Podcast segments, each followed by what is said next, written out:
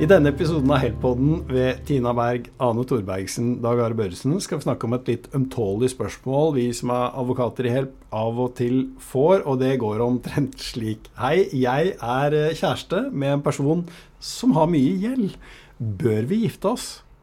Hvem vil være Kirsten Giftekniv eller ikke? Ja, altså om de bør gifte seg eller ikke, får jo være opp til dem å kjenne på hva som føles riktig. Men, ja, men fra et økonomisk jeg perspektiv det, jeg skjønte så, det. Så fra et økonomisk perspektiv så Som jeg antar ligger under her, da. Ja. Så må man være litt forsiktig og vite hva man gjør, uavhengig av om man skal bli samboer eller om man har lyst til å gifte seg. Ja. Så man må ha tenkt gjennom det. Eh, kanskje tørre å snakke om det, rett og slett. Det kan jo være fornuftig. Få litt oversikt. Og så skal vi komme med noen tips til hva man kan gjøre for å sikre seg på best mulig måte. For det er klart at den som har eh, orden i sysakene, eh, er jo noe, som regel opptatt av å sikre egne verdier mm. med tanke på å gå inn i et ekteskap ja. med noen med mye gjeld. For det som er viktig å vite, da, er jo hvordan det skal gjøres opp hvis man plutselig ikke eh, skal være gift lenger og gå fra hverandre. Eller, hvis, eh, eller, når, når en dør. Når altså Ekteskapet opphører jo ja. enten ved brudd eller dødsfall. Det skal jo på et eller annet tidspunkt foretas et oppgjør. Ja. Og ved oppgjørstidspunktet da, så er det jo sånn at verdiene man har, de skal deles. Og hvis den ene har verdier, og den andre bare har gjeld, så må den med verdier dele med den som har gjeld. Mm. Eh, og det betyr jo da at man får jo mindre, selv om man tenker at ja, men jeg har passa på mine ting, og den andre har eh, sin gjeld og får håndtere den. Så blir man på en måte sittende med litt av regninga likevel. Nemlig. Hvis dere skulle gått fra hverandre, da. Mm.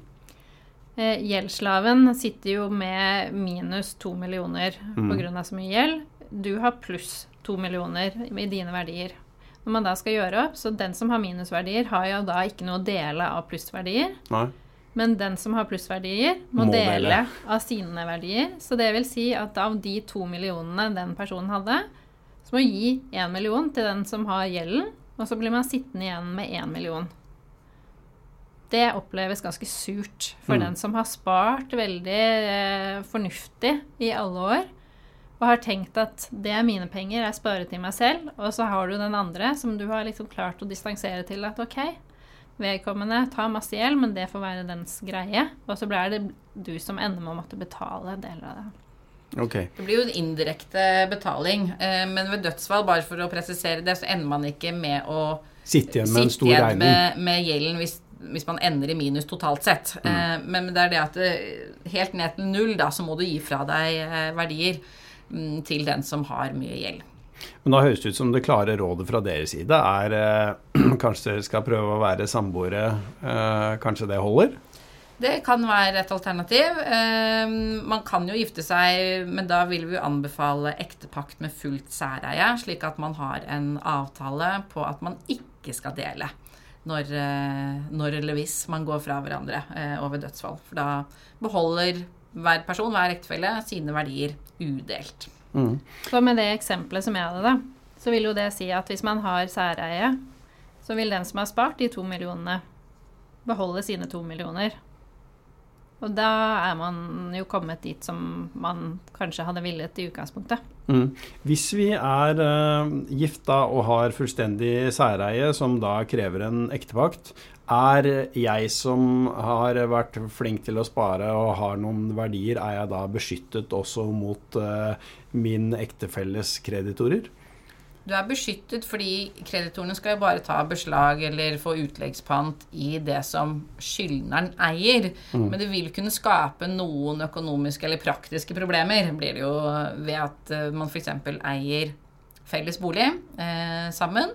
Så selv om kreditorene ikke kan ta pant i din eierandel, så vil de jo ta pant i ektefellesandel, og eventuelt på noe tidspunkt begjære tvangssalg for å inndrive den gjelden. Og det vil jo få konsekvenser for deg også, både ved at enten så må du være med på det salget, eh, eller hvis du da vil overta den andres uh, halvpart, f.eks., så, så må man jo få godkjennelse til sletting av dette pantet. For den har du jo neppe lyst til å cashe ut. Så det er viktig å poengtere også da, at for at den ektepakten man har skrevet skal ha betydning og virkning overfor kreditorene, mm. så må den tinglyses i ektevaktregisteret. Nemlig. Det er uh, viktig å merke seg.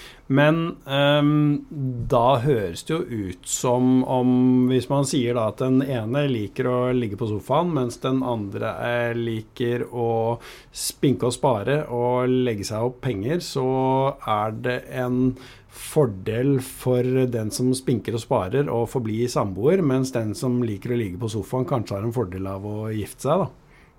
Kan man ja, si det? man kan jo Ja. gifte seg rik, Hvis ja. eller man kan gifte seg til gjeld, så at det er fordeler og ulemper helt avhengig av eh, hvilke sko du står i. Nemlig. Og så får du som eh, hører på dette, gjøre deg opp din egen eh, mening selv, tenker jeg, om hva som er riktig i akkurat din situasjon. Det skal ikke vi blande oss borti, rett og slett. Skal vi bare si det sånn?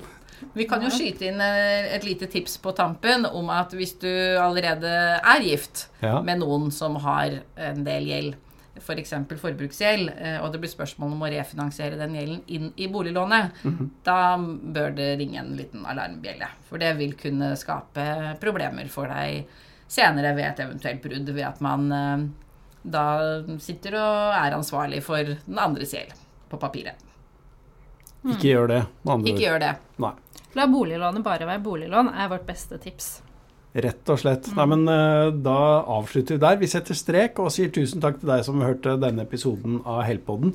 Du finner mange flere episoder om eh, hva skal vi si, tilliggende temaer der du ellers hører podkastene dine. Takk for at du hørte på.